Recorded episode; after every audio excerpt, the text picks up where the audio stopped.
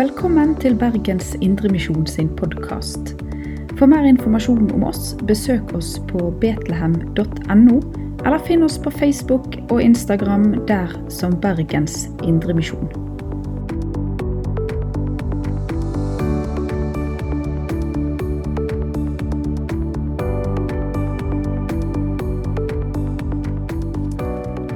Ja, da er det jo allerede Har jo vært oppe allerede, holdt jeg på å si. Men Torgeir, altså, og på vei ut fra eh, bedehuset på Betania, vaktmesterleiligheten der vi har bodd i mange år, så det blir veldig trist. Der har vi trivdes veldig godt og hatt veldig mange fine år der sammen med studentene som bor der. Eh, Så da er det jo ti studenthybler etasjen over, og så er det en vaktmesterleilighet, og så har vi jo bedehuset under som vi disponerer. Så det er en veldig ja, fin plass å bo hadde vært både for oss og for eh, de som bor der. Og så er det altså um, søndag, og det er søndagens tekst skal vi ta for oss. Og det er fra Lukas 10 og fra vers 21. Og da er jeg spent på om vi får til denne her. Ja, da er den i hvert fall der oppe. Og da fikk jeg den frem og tilbake, så da er alt i orden. Tommel opp. Og så har jeg bare lyst til å be litt før vi begynner. Herre Jesus, takk for muligheten til å samles om deg. Takk at det er løfterikt òg denne formiddagen her, for du har sagt at du vil være midt iblant oss når vi er samlet i ditt navn. Og så ber vi her om at du kan åpne ordet ditt for oss. Kom, Hellige Ånd, og gjør det levende for våre hjerter.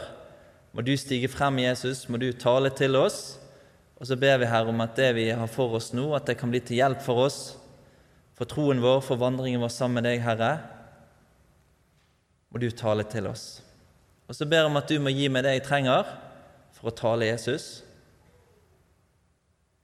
Ja, vi legger det i dine hender. Amen. Og Da begynner vi med det å lese den teksten. Og Da har jeg lagd til en sånn powerpoint som vi ser. Da kan jeg bare se der, der istedenfor å se til siden.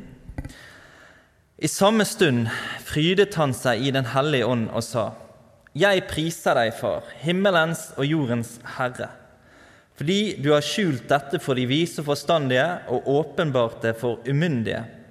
Ja, Far, for slik skjedde det som var til velbehag for deg.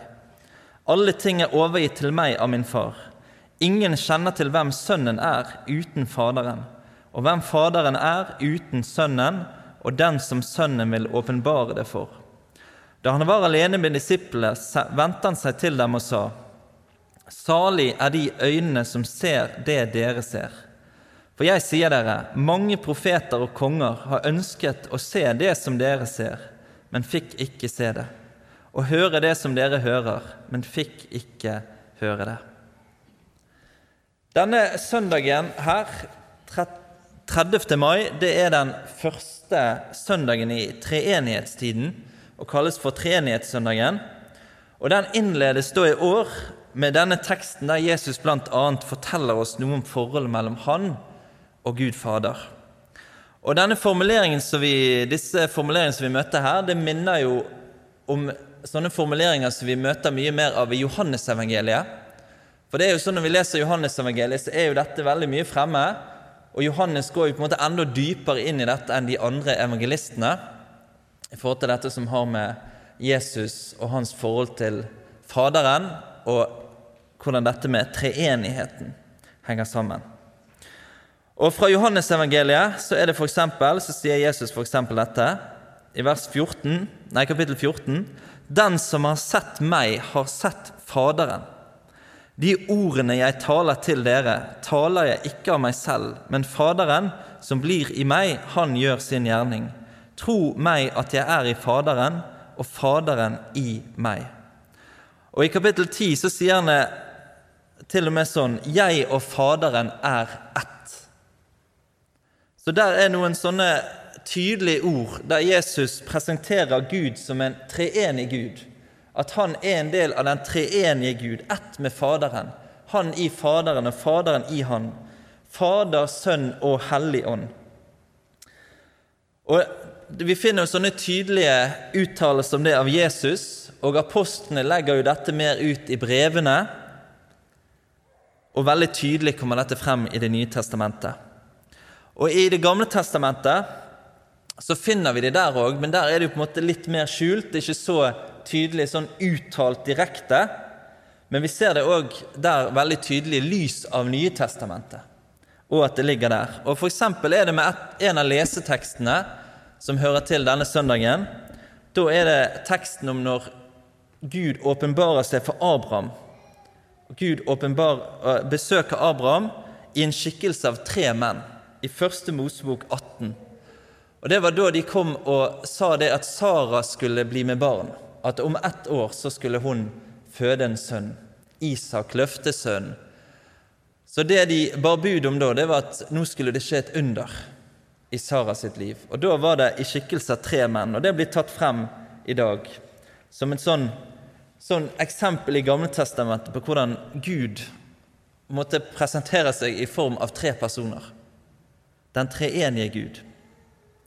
Og sammenhengen som denne, disse versene vi har lest, står i, det er i da kapittel 10, og det kapittelet begynner med at Jesus sender ut 70 disipler for å helbrede syke og forkynne at Guds rike var kommet nær. Og Når de har vært rundt, så kommer de glade tilbake. Og så sier de det at til og med, Herre, til og med de onde åndene adlyder oss i ditt navn. Og så responderer Jesus på det og avslutter med å si det. Men gled dere ikke over at dette at åndene er dere lydige. Gled dere heller over at navnet deres er innskrevet i himmelen. Og i Johannes' åpenbaring så møter vi jo et annet uttrykk for det samme. Der denne, dette har navnet innskrevet i himmelen, da møter vi dette med livets bok at den som har sitt navn skrevet i livets bok, at det er det som er det avgjørende. Å ha sitt navn skrevet der. Så Jesus han sier altså det. Altså det at de nå har opplevd det at folk har blitt helbredet i Jesu navn, til og med onde åndene var de lydige, det var én ting, men enda større enn det. Så skulle de glede seg over det, at de hadde sine navn innskrevet i himmelen. Og så fortsetter da fra vers 20 der, og så er det inn i denne teksten. Og vers 21 så står det i samme stund frydet han seg i Den hellige ånd og sa. Og da Ut fra det som kommer videre, så ser vi òg her virker dette sammen. Den hellige ånd, Sønnen, og så blir det snakket om Faderen, den treenige Gud. Fryder seg. Jeg priser deg, Far, himmelens og jordens Herre fordi du har skjult dette for vise og forstandige og åpenbart det for umyndige. Ja, far, for slik skjedde det som var til velbehag for deg. Så da fryder Jesus seg i Den hellige ånd og priser Gud. Og da priser han Faderen for at han har skjult dette for de vise og forstandige, og egentlig da for eliten for den religiøse eliten. Og det er jo sånn som vi ser når, når Jesus vandret rundt på jord, og vi leser evangeliene. De som på en måte var de mest skolerte, de som egentlig hadde best forutsetning for å forstå hvem Jesus var egentlig, ut fra at de kjente Skriftene så godt, de så det ikke. Mens vanlige folk, de så det. Og vi kan jo, Her tok jeg med noen bilder som eksempel. At F.eks. gjeterne på marken det var jo noen av de første som fikk budet om at Messias var født inn i denne verden. En frelse er oss født. Og Vi kan lese om folket rundt Genesaretsjøen, som bodde rundt der, i de landlige områdene. De flokket seg rundt han. De fikk se hvem Jesus var. Og disse fiskerne, Peter og Johannes og de andre, de blir kalt til disipler. Og Her er også et bilde av Levi som blir kalt av Jesus. Og Det vi ser når vi leser i Det nye testamentet, er at denne bevegelsen som vokste frem rundt Jesus, etterfølgerne hans, det var ingen elitegruppe.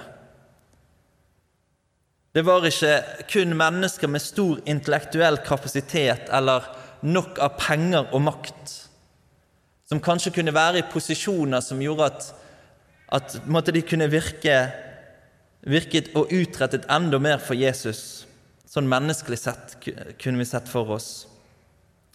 Men vi ser at i hovedsak så er det mennesker uten penger og makt. Det er de menneskene som, som var i en sånn stilling sjøl at de så det, at de, at de evnet det å se bort fra seg sjøl og se til Jesus. Som så det at de hadde behov for det som han hadde å gi. At de trengte han. De ble det åpenbart for. Og så står det at dette var til velbehag for far, sier Jesus. At det nettopp skulle være sånn. Men da kommer vi jo inn på noe gjennom dette her, dette med å skjult og åpenbart. Og Det er jo litt sånn underliggende for det som Jesus sier. Det er jo nettopp det at det er ikke alle som ser det. Det var ikke alle som så det da, hvem Jesus er. Og det er ikke alle som ser det nå heller. Og dette fortsetter videre inn i den første kristne tiden. Vi ser det i apostlenes gjerninger. Når den første tiden, når de står frem og forkynner, så er det noen som kommer til tro, mens andre gjør ikke det. Det blir noen som det blir åpenbart for gjennom forkynnelsen av evangeliet, og så er det andre som enten, ja, mange grunner, kan forherde seg, eller som ikke ser det, eller av ulike grunner forkaster det. Og Paulus han oppsummerer egentlig til korinterne. Så sier han noe som går i tråd egentlig med det som Jesus sier. Og dette er jo egentlig en sånn beskrivelse av hvem er det menigheten består av. Når de på en måte ser på det, så sier han i kapittel 1 i første Korinterbrev Brødre, legg merke til det kall dere fikk. Ikke mange vise etter kjødet ble kalt, ikke mange mektige, ikke mange av høy ett. Men det dåraktige i verden, det utvalgte Gud seg for å gjøre det vise til skamme. Og det som er svakt i verden, det utvalgte Gud seg for å gjøre det sterke til skamme. Det som er lavt i verden, og det som er foraktet, det utvalgte Gud seg, det som ingenting er, for å gjøre til intet det som er noe. Og Det er jo helt i tråd med det som, dette ordet fra Jesus og det han sier. Og Vi ser det videre at, at Guds menighet det var en undergrunnsbevegelse. Ikke bestående av eliten, men av vanlige mennesker som var drevet frem av Den hellige ånd, som hadde fått åpenbart for sine hjerter hvem Jesus var, og fått Den hellige ånd på innsiden, og så hadde de et driv videre utover. Og så endra jo dette seg litt i løpet av historien, sant? når det blir statsreligion og forskjellig i Romerriket etter hvert.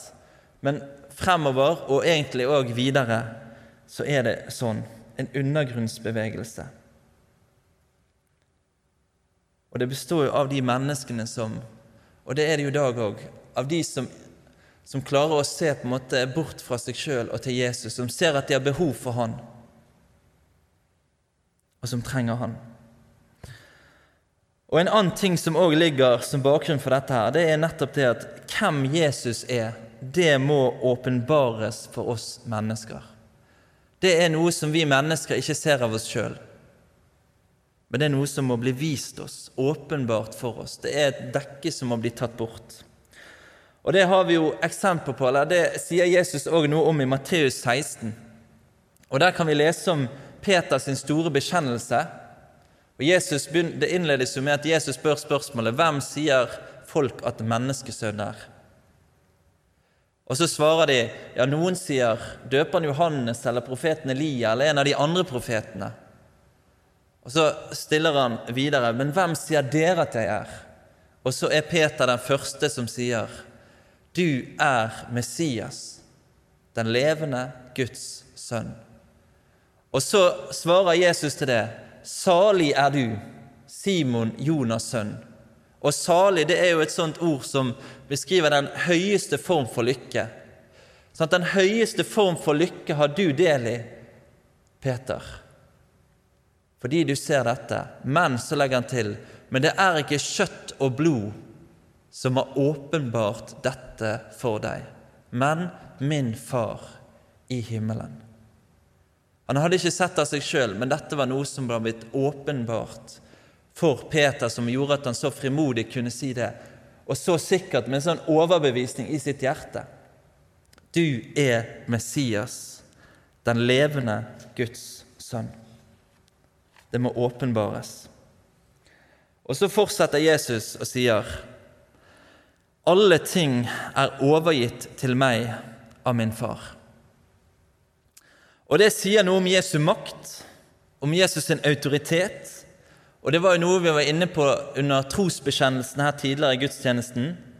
At Jesus han sitter ved Guds, den allmektige Faders høyre hånd og skal derfra komme igjen for å dømme levende og døde. Makten er i Jesu hender. Og når Jesus står frem på, eh, på Galileafjellet, Matteus 28, misjonsbefalingen, så begynner han med å si det at 'meg er gitt all makt i himmel og på jord'.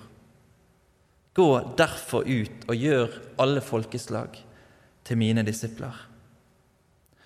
Og så fortsetter det i hebreerbrevet, så står det om det, om Faderen. Alt la han under hans føtter, under Jesu føtter.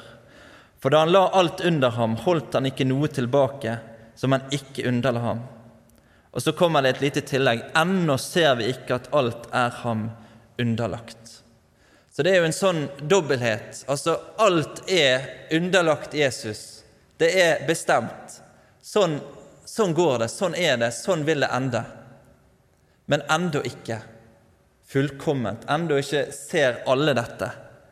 Men som Paulus skriver i Filipperbrevet, at en dag så skal hvert kne bøye seg for at i Jesu navn skal hvert kne bøye seg, dere som er i himmelen og på jorden og under jorden. Og hver tunge skal bekjenne at Jesus Kristus er Herre, til Gud Faders ære. Og når Johannes i Johannes' åpenbaring ser inn i fremtiden og på en måte ser, får se inn i hvordan det ender til slutt, så er det nettopp dette han òg ser. I kapittel 5 når det står mot slutten av det kapitlet og hver skapning som er i himmelen og på jorden og under jorden Og Det er jo samme formulering som vi møtte der i Filipperbrevet 2. Og på havet. Og alt det som er i dem, hørte jeg si, ham som sitter på tronen og lammet, tilhører velsignelsen og æren og lovprisningen og makten i all evighet. Jesus har makt. Han har vunnet seier, og en dag skal denne seieren gjennomsyre alt og bli åpenbart for alle, sånn at hver eneste skapning, alle som har levd, som lever De skal hylle Han og erkjenne at Han er Herre. Han har all makt. Og så fortsetter Jesus i vers 22.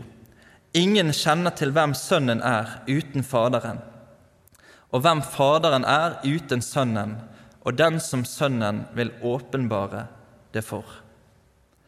Så her ser vi jo både det at Faderen viser hvem Sønnen er, og Sønnen viser hvem Faderen er. Veien til Far går gjennom Jesus. Og Der òg, i Johannesevangeliet, er det jo mer om den saken. Og Jesus sier det i Johannes 6.: Ingen kan komme til meg uten at Faderen som har sendt meg, drar ham. Og jeg skal reise ham opp på den siste dag. Da sier Jesus det at Faderen drar mennesker til han. Og I vers kapittel 14 Jesus sier til ham, 'Jeg er veien og sannheten og livet.' 'Ingen kommer til Faderen uten ved meg.' Veien til far går gjennom Jesus. Og Så legger Jesus til òg det, og sier det i Johannes 14, litt lenger ute. Den som har sett meg, har sett Faderen. Jesus åpenbarer for oss hvem Gud Fader er. Og når et menneske møter Jesus, så sier Jesus det at da har du òg sett Faderen. Altså, vi er ett. den treenige Gud. Men veien inn måtte til fellesskap med Gud, det går gjennom Sønnen, gjennom Jesus. Og så, i vers 23 Da han var alene med disiplene, vendte han seg til dem og sa:" Salig er de øynene som ser det dere ser. Og Der kommer jo dette salig-begrepet tilbake. Høyeste form for lykke, sier Jesus til disiplene, er de som ser det som dere ser. Og hva var det de så? Hva var det de så? Jo, noen av de var der når Jesus ble døpt av døperen Johannes, da Den hellige ånd kom ned som en due over ham. Og når de hørte Guds røst fra himmelen som sa at 'Dette er min sønn', den elskede som, han, som jeg har velbehag i.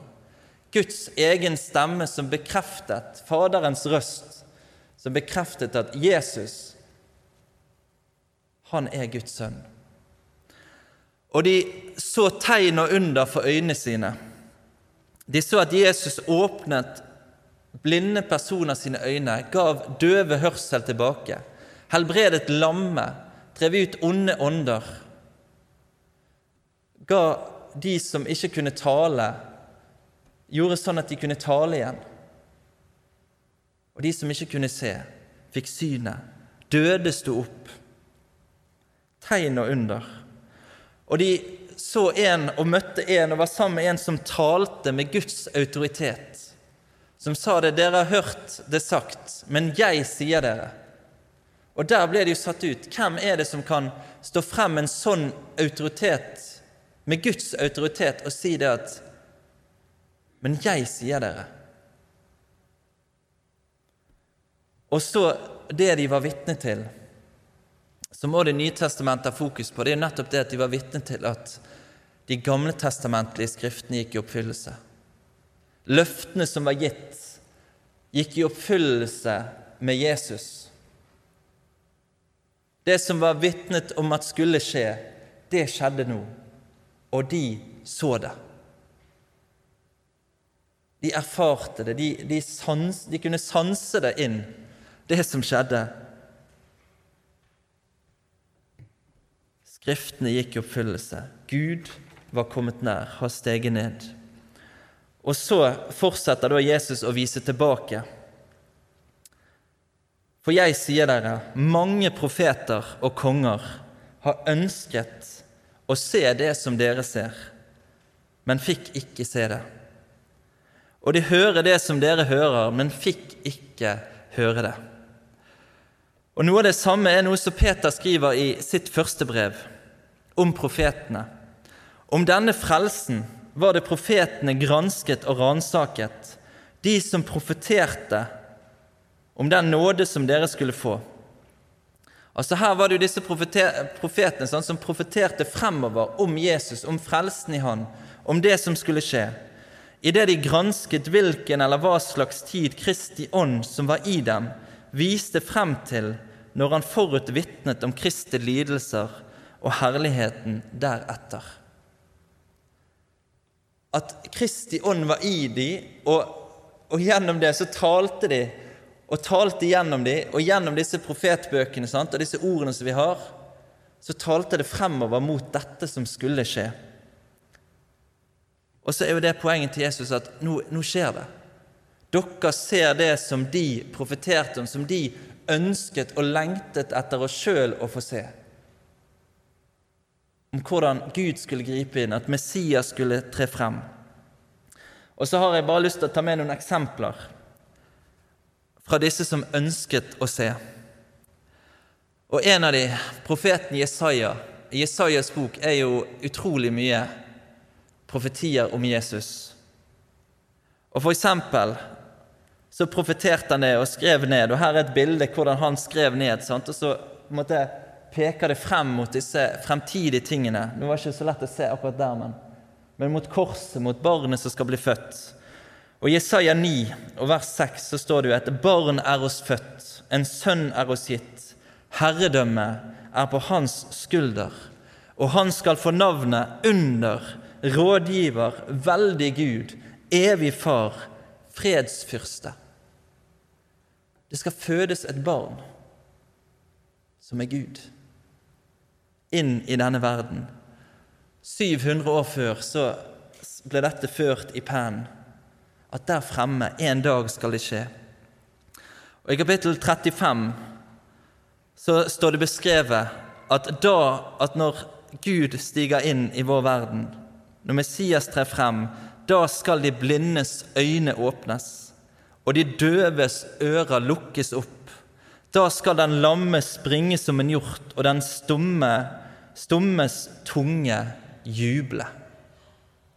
Og det er også at Når disse tegnene skjer når Jesus vandret rundt, når nettopp dette skjer, at lamme går, blindes øyne åpnes, døve ører lukkes opp, stumme får tale tilbake, så var det nettopp et tegn på at han var Messias. Det var det som var forutsagt at skulle skje. Og så ser disiplene og disse andre folkene på Jesus tid de ser dette bli oppfylt for øynene deres. De ser det som profetene lengtet etter å få se. Og så har du jo kapittel 53. For han ble såret for våre overtredelser, knust for våre misgjerninger. Straffen lå på ham for at vi skulle ha fred, og ved hans sår har vi fått legedom. Og så er det jo veldig mange ting fra det kapittelet sant, som bare gir oss en sånn en innsikt og en detaljbeskrivelse egentlig av det som skjedde på korset. Og til og med profeteres det der og forutsies at når dette skjer, når Jesus dør der på korset, så forstår ikke folk hva som skjer. Og så må han, selv om han, og til og med med disiplene som han hadde begynt å fortelle at dette skulle skje, og hvorfor det skulle skje, så, så forsto de det ikke før Jesus sto som en oppstanden frelser og kunne på en måte Det var derfor. Det var sånn det skulle skje. Og det er profetert, til og med profetert at, at dere skulle ikke forstå det. At det skjedde. Når det skjedde. Men der er det noen eksempler fra Jesaja om hvordan han så frem mot det som skulle skje. Og fra Esekiel. Og da er det jo profetier om den kongen som skal komme. Jeg vil oppreise en hyrde over dem, han skal røkte dem. Min tjener David, han skal røkte dem. Han skal være deres hyrde, og jeg, Herren, vil være deres Gud. Og min tjener David skal være fyrste blant dem. Jeg, Herren, har talt. Og Disse ordene her de har jo òg sin bakgrunn i det neste, det som har med kong David å gjøre. For her blir det henvist til en, en ny David, den himmelske David, som skal komme. Og Når Esekiel taler dette, her, så har er det mange århundrer siden David ble lagt i grav, og hans sønn. Men likevel så peker han mot en fremtid der David skal tre frem. Og Det har bakgrunn f.eks. der i første krønikebok 17. For Der er det profeten Natan som kommer til David, og så blir han gitt et løfte om at en av hans sønner skal overta hans trone. Men så blir det utvidet med at, at det taler videre nedover i slekten til kong David. Fordi at dette kongedømmet som Gud skal, skal på en måte reise opp her, det er et kongedømme som skal stå til evig tid. Og Gud skal være hans far til denne kongen. Og hans rike og hans trone skal være grunnfestet til evig tid. Og så kan vi se hvordan profetene tar dette med videre og viser om denne fremtiden, der den himmelske David, han som er konge av et evig rike, skal tre inn i verden. Og når engel taler til, til eh, Josef, f.eks., så blir òg dette koblet sammen om at nå er det disse løftene som går i oppfyllelse, kan vi lese om. Og David, i tillegg til dette løftet som blir gitt han, så har han jo mange salmer som han diktet, og flere av disse salmene sånne messianske salmer, der det er ting i disse salmene som òg peker frem mot Messias, mot Jesus. Og I Salme 2, noen eksempler. Salme 2, der tales det om, at, om Messias som Guds sønn. I Salme 16 så blir det talt om oppstandelsen Og Salme 16 blir tatt frem videre som, som en, en foruts, forutsigelse av at Jesus skal stå opp igjen. I Salme 22 så kan vi lese om at de har gjennombåret mine hender og føtter. De kaster lodd om min kappe. Vi kan lese om hånsord som rammet han. Og i Salme 110 der står det Herren sa til min Herre, sett deg ved min høyre hånd, til jeg får lagt dine fiender til skammel for dine føtter. Og Det er et vers som Jesus tar frem i Matteus 22. Og det, spør, så spør han fariseerne hvem er Messias sønn av? Og de sier han er sønn av David. Ut fra de løftene som var gitt, så skal han være en Davids sønn. Komme i den slekten. Og Så tar Jesus dette frem og så sier han, men hvordan kan da David i ånden kalle ham herre? Herren sa til min herre. Altså David snakker om noen, en som er herre, som taler til Herren. Og så sier Jesus det. Og Poenget er det at dette taler om han. Og i Salme 118 den, hjørnes, den steinen som bygningsmennene forkastet, har blitt hjørnestein. Og det å bli tatt frem i Nytestamentet, hjørnesteinen, det Jesus, ble forkastet, men utvalgt av Gud til å være hjørnestein. Det som vi kan bygge våre liv på. Og så er dette bare noen eksempler fra disse som, som ønsket å se det. Og David, når han i ånden da skrev disse salmene og profeterte og så fremover. Og Det kan vi også se eksempel på etter at Nathan ga dette løftet til ham, hvordan David bare priser Gud. Og forstår det at dette taler langt inn i fremtiden. Men de fikk ikke oppleve det sjøl. I live, i hvert fall. Men så er det Jesus sitt poeng. Men dere ser det. For øynene deres. Det som de lengtet etter å få se. Og så har jeg bare lyst til å avslutte med, med dette her. For deg som har øyne som ser.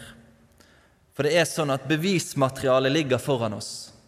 Og det er jo sånn som Paulus, at når han sier 'Hva er beviset for at det vi tror på, er sant?' Jo, da tar han frem at Skriftene er gått i oppfyllelse. Det er bevisgrunnlaget. Og det ligger foran oss, men Samtidig så er det sånn at dette med Jesus det må åpenbares av Den hellige ånd for våre hjerter. Og Så kan jo det videre utløse noen vanskelige spørsmål for oss. Sant? Hvorfor åpenbares ikke dette for alle? Og Så kan det være forskjell sant? for til og med søsken som har måtte hørt det samme opp igjennom, og så er det skjult for den ene, men åpenbart for den andre. Hvorfor er det sånn?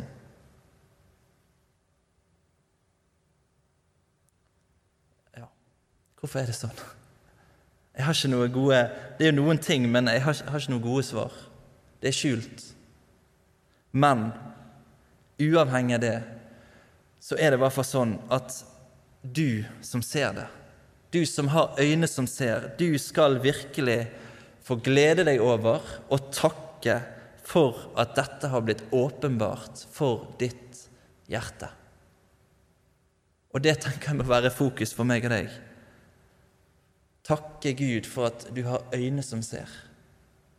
Takk, Herre, for at jeg får se det. Jeg får se hvem Jesus er. Jeg får se at jeg trenger Han. Og så kan vi be som Paulus ber for menigheten Efesus, at det må åpenbares enda mer for våre hjerter. Hjertets opplyste øyne. At Jesus kan salve våre øyne med den salven som vi leser om i Johannes' åpenbaring, som gir klarsyn så vi kan få se det enda klarere. Og så skal vi få være med i forbønnstjenesten for alle mennesker. Om å åpne øynene deres så de kan se. For det er det som må til. Men som et sånn kjernepunkt så kan du i hvert fall få begynne med det. Takk. Takk, Herre, for at jeg får se. Takk at du har vist det for meg. Takk, Jesus, for at jeg har fått se hvem du er. Takk, Jesus, for at jeg skal få tilhøre deg, skal få leve i tillit til at du har skrevet mitt navn inn i livets bok. Og at det er en evighet som venter. Veien til far er åpen i deg. Jeg satser på deg, Jesus. Vær den som tok imot ham, gav han rett til å bli Guds barn. Den som tror på hans navn.